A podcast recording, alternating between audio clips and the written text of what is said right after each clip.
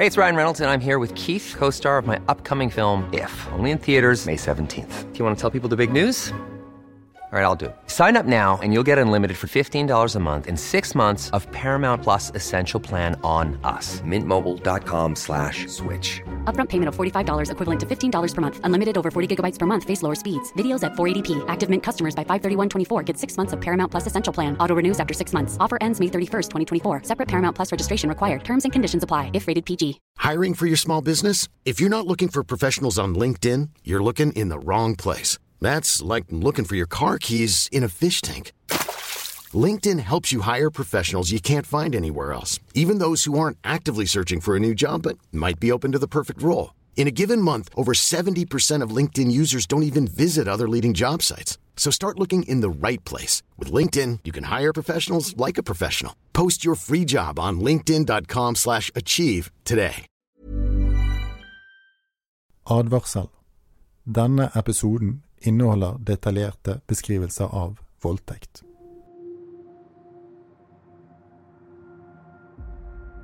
Revheim kirke i Stavanger ble totalskadd av brann i natt. Ved inngangsdøra til den 127 år gamle kyrkja var det spikra et jernkors til veggen. Dyrking av Satan er en av teoriene bak kirkebrannen i Stavanger. Det er 1. august 1992. Seint på kveld begynner det å brenne i Revheim kirke. Bygget får store skader innvendig, men brenner ikke til grunnen. Flere spor i kirka peker mot et lokalt ungdomsmiljø som er ute av kontroll. Det går rykte i nabolaget om at de samler seg i en tyskerbunker oppe på en topp. Det går også snakk om ulike satanistiske ritual de har hørt at ungdommene driver med. Når politiet ruller opp saka, skaper detaljene sjokkbølger.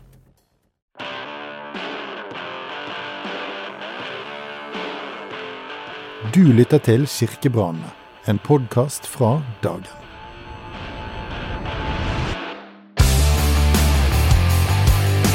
Det er 30 år siden kirkebrannene herja Norge. Et forferdelig eh, ildhav. Vi bare så flammene opp og brannslanger overalt. Det har vært snakk om sprenging av Nidarosdomen. The church burnings were the things that really caught people's imaginations, which brought Norwegian black metal into existence.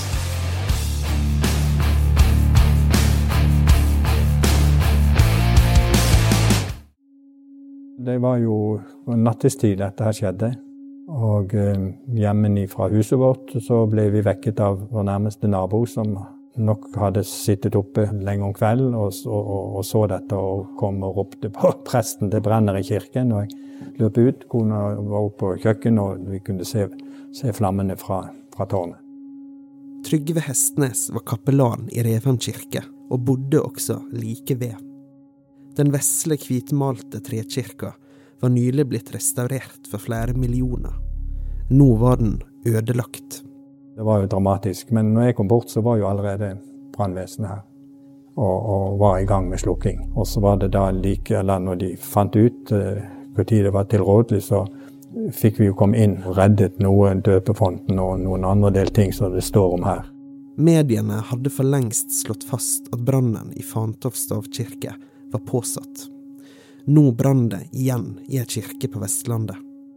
Det oppsto raskt spekulasjoner om at samme miljø sto bak. For Hestnes var det utenkelig at deres kirke kunne brenne. Det var kirkebranner, og så skjer det rare at nå skjer det oss. Det tror jeg ikke var noe som ventet. Det, her var det så trygt og godt på, i Stavanger, misjonsbyen og, og alt. og, og stor kirkesøkning og alt sånt. Det kunne liksom ikke skje her, men så skjedde det her òg.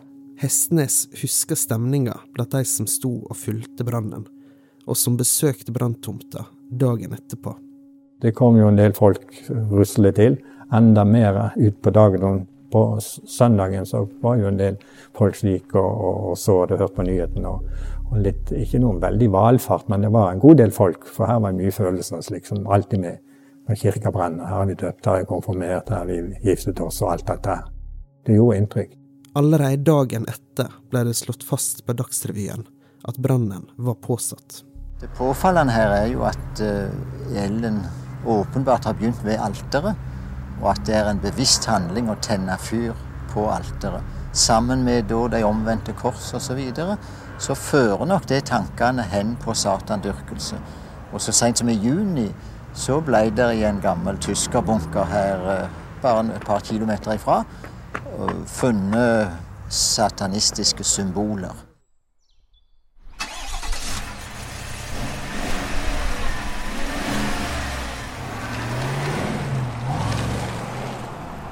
I 92 da var jeg eh, spaner i Stavanger. Jeg starta i 84, eller da ble det oppretta ei gruppe som heter Spaningsgruppa. Roald Berntsen er pensjonert politimann og privatetterforsker. Han går med skinnjakke, cowboyhatt og kjører en stor Cadillac SUV. Visstnok av samme typen som livvaktene til presidenten i USA bruker.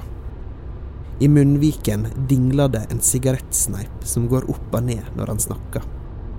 Det var han som fikk oppdraget med å finne ut hvem som tente på Revheim kirke. Og jobben gikk ut på Ja, du var sivile, du lærte bydelene å kjenne. Du så på meldinger som kom inn, møtte du med innbrudd og tyverier og problemer. Det var jo meldinger som kom til politiet. og Da målretta vi oss mot bydelene. For å oppklare det som ble anmeldt, og, og få gjerne de kriminelle inn på, på en annen vei. Berntsen og kollegaene visste godt hvem de såkalte satanistene var. Det var det mange som gjorde. I tida før brannen hadde det skjedd flere merkelige ting. Blant annet hadde det forsvunnet kors fra 15 ulike gravstøtter på kirkegården på Revheim. Flere mistenkte at en ungdomsgjeng i bydelen Madla-Sandnes sto bak. Berntsen kjører oss til nabolaget, der ungdommene bodde.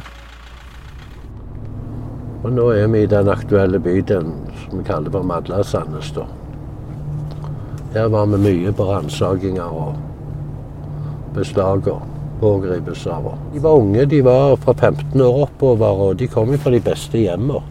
Så det var ikke noe å si på det, men det var liksom de som hadde falt utfor. De, eh, de møttes på forskjellige plasser. da. Om de pønska ut nye ting de skulle gjøre, det vet jo ikke jeg. I området ligger det også en gammel tyskerbunker. Eller Tyskehulen, som ungdommene kalte den. Da politiet tok seg inn i hula, hadde ungdommene tagga satanistiske symbol på veggene. Det ble vel funnet noen sånne rituelle ting, da. Hvordan presten fikk rede på dette, det vet jeg ikke. Men det var ting i hvert fall som ble blåst opp i media.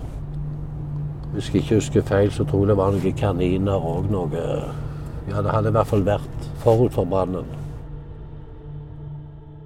I ettertid har inngangen blitt sveisa igjen for at ikke flere ungdommer skal oppholde seg der. En morgen oppdaga Berntsen at han hadde hatt besøk hjemme. Det var en morgen dattera mi skulle på skitur, og hun skulle ha ski med, og jeg, jeg lovte å kjøre henne opp på skolen. Og når jeg kom ut, så ser jeg jo at bilen er flat på venstre framhjul.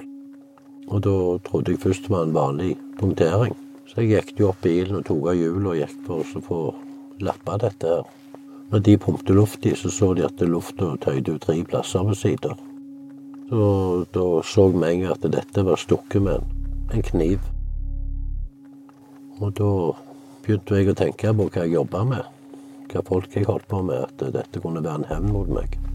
Og det var jo litt sterkt å vite at de visste hvor jeg bodde. Og at de da hadde vært hjemme sannsynligvis når jeg lå og sov. At de hadde vært ut forbi huset mitt. Og det var jo litt skremmende òg. Det er klart, hvis de ville, så kunne de òg ha tent på, for å si det sånn. Politimannen bestemte seg for at nå var det nok. En annen spaner hadde også fått knivstikk i bildekka sine. Berntsen visste hvem som var lederen for gjengen, en ungdomsskoleelev i området, og bestemte seg for å sette hardt mot hardt. Så ikke mange dagene etterpå så var ute alene og kjørte patrulje. Da sto en av satanistene venta på bussen. Så da rullet jeg ned vinduet og ba han hoppe inn i bilen og tok en kjøretur med han. Kikket han i øynene. Så etter jeg var litt hard med med språket. Så sa han hvem som hadde vært hos meg. Det var en hevn pga. at jeg hadde vært under måten jeg, jeg tok de flere ganger. Etter at Berntsen hadde vært hard i språket, som ifølge han var en vanlig metode på denne tida, innrømmer ungdommen også hvem som sto bak brannen. Hjemme hos dem fant politiet bøker om satanisme, og flere av de forsvunne korsene fra gravstøttene på kirkegården. De fortalte at brannen var hevn på menighetsrådet, som de mente at hadde malt over de satanistiske symbolene i tyskehulen. Dermed var kirkebrannsaka løst. Men Berntsen var likevel ikke fornøyd. Det var fortsatt satanister igjen. I miljøet var det også noen eldre ungdommer i starten av 20-åra som drev med kriminalitet og narkotika. En natt bestemte spanerne seg for å gå til aksjon. Så vi kjørte opp der, da var jo ingen hjemme. Og døra var avlåst, og det lå en lapp på trappa der det sto eh, 'Hold miljøet rent. Spark ned alle politier'. Vi kjørte noen hundre meter videre og kjørte inn på kirkegården. Og Der lå bl.a. min mor, da, som gikk bort i 89. Og når vi svingte inn der, så observerte vi tre stykker, og det var de vi skulle ha tak i. Så de ville jo ikke følge med, så det ble et basketak. Politimennene var i mindretall mot satanistene. Det ble utveksla slag begge veier, og Berntsen opplevde det som en farlig situasjon. I intervjuet prøver vi flere ganger å få Berntsen til å gi oss detaljer fra slåsskampen men mye har forsvunnet i løpet av de 30 åra som er gått. Han husker likevel at det gjorde noe med han. Særlig fordi hans egen mor, som døde bare et par år tidligere, var gravlagt like ved. Og det var jo veldig spesielt å, å slåss med folk der mor de ligger gravlagt rett i nærheten. Det ble jo til at jeg kikket bort. Når politiet fikk kontroll på ungdommene, kjørte han hjem til dem og tok seg inn i leiligheten deres. Da fikk han nok en ubehagelig overraskelse. På innsida av døra lå det ei ladd hagle. Vi fikk håndjern på to av dem og fikk kontroll på en tredje, sånn at eh, de ble da brakt inn av uniformert patrulje. Så ble det jo ransakt hjemme hos de, og der lå den hagla oppe på toppen av trappa og lada. Han ene personen vi tok, var jo, ble jo senere dømt for ran. Vi måtte eh, passe oss litt. Det var en plass eh, når du gikk inn der, så måtte du være obs.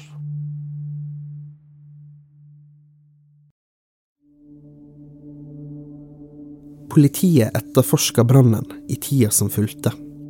Og vinteren 1994 kom saka for retten. Da kom det fram at ungdommene også sto bak brannen i Ullandhaug bedehus. Et nedlagt bedehus som hadde stått tomt i flere år. Til sammen ble ungdommene tiltalt for 40 straffbare forhold i området.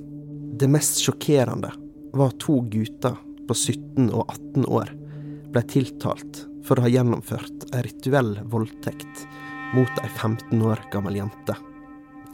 Hun var bare 13 år da det skal ha skjedd. Mora hennes skal ha vært i huset, men jenta turte ikke å rope på hjelp. Ei anna jente fortalte at også hun var blitt piska av guttene og rispa med en kniv. Skrika hennes skal de ha tatt opp på lydbånd.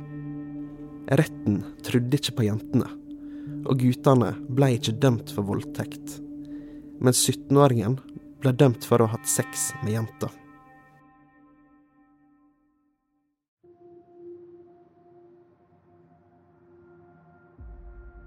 De tre som var med på brannen i Revan kirke, fikk fengselsstraffe fra ett til to år. Og i tillegg måtte de betale erstatning for nærmere fire millioner kroner. To av de måtte også betale 400 000 i erstatning for brannen i Ullandhaug bedehus. En fjerde person ble kun dømt for brannen på bedehuset. Politimann Berntsen har nå gått av med pensjon, men var i sin lange karriere med på noen av Norges største krimsaker. Han forteller oss flere historier om blodige åsted og lik han aldri glemmer. Likevel sier han at det er denne saka som har prega han mest. I neste episode. Både kristenpressen og vanlig presse, det må også sies, kjøpte jo denne Satan på nytt-greia eh, med hud og hår. For det var jo fantastisk eh, kiosk, kioskveltere, ikke sant? Ritualer hvor man ofret forsvarsløse små barn. Ritualer hvor barn ble tvunget til å spise ekskrementer.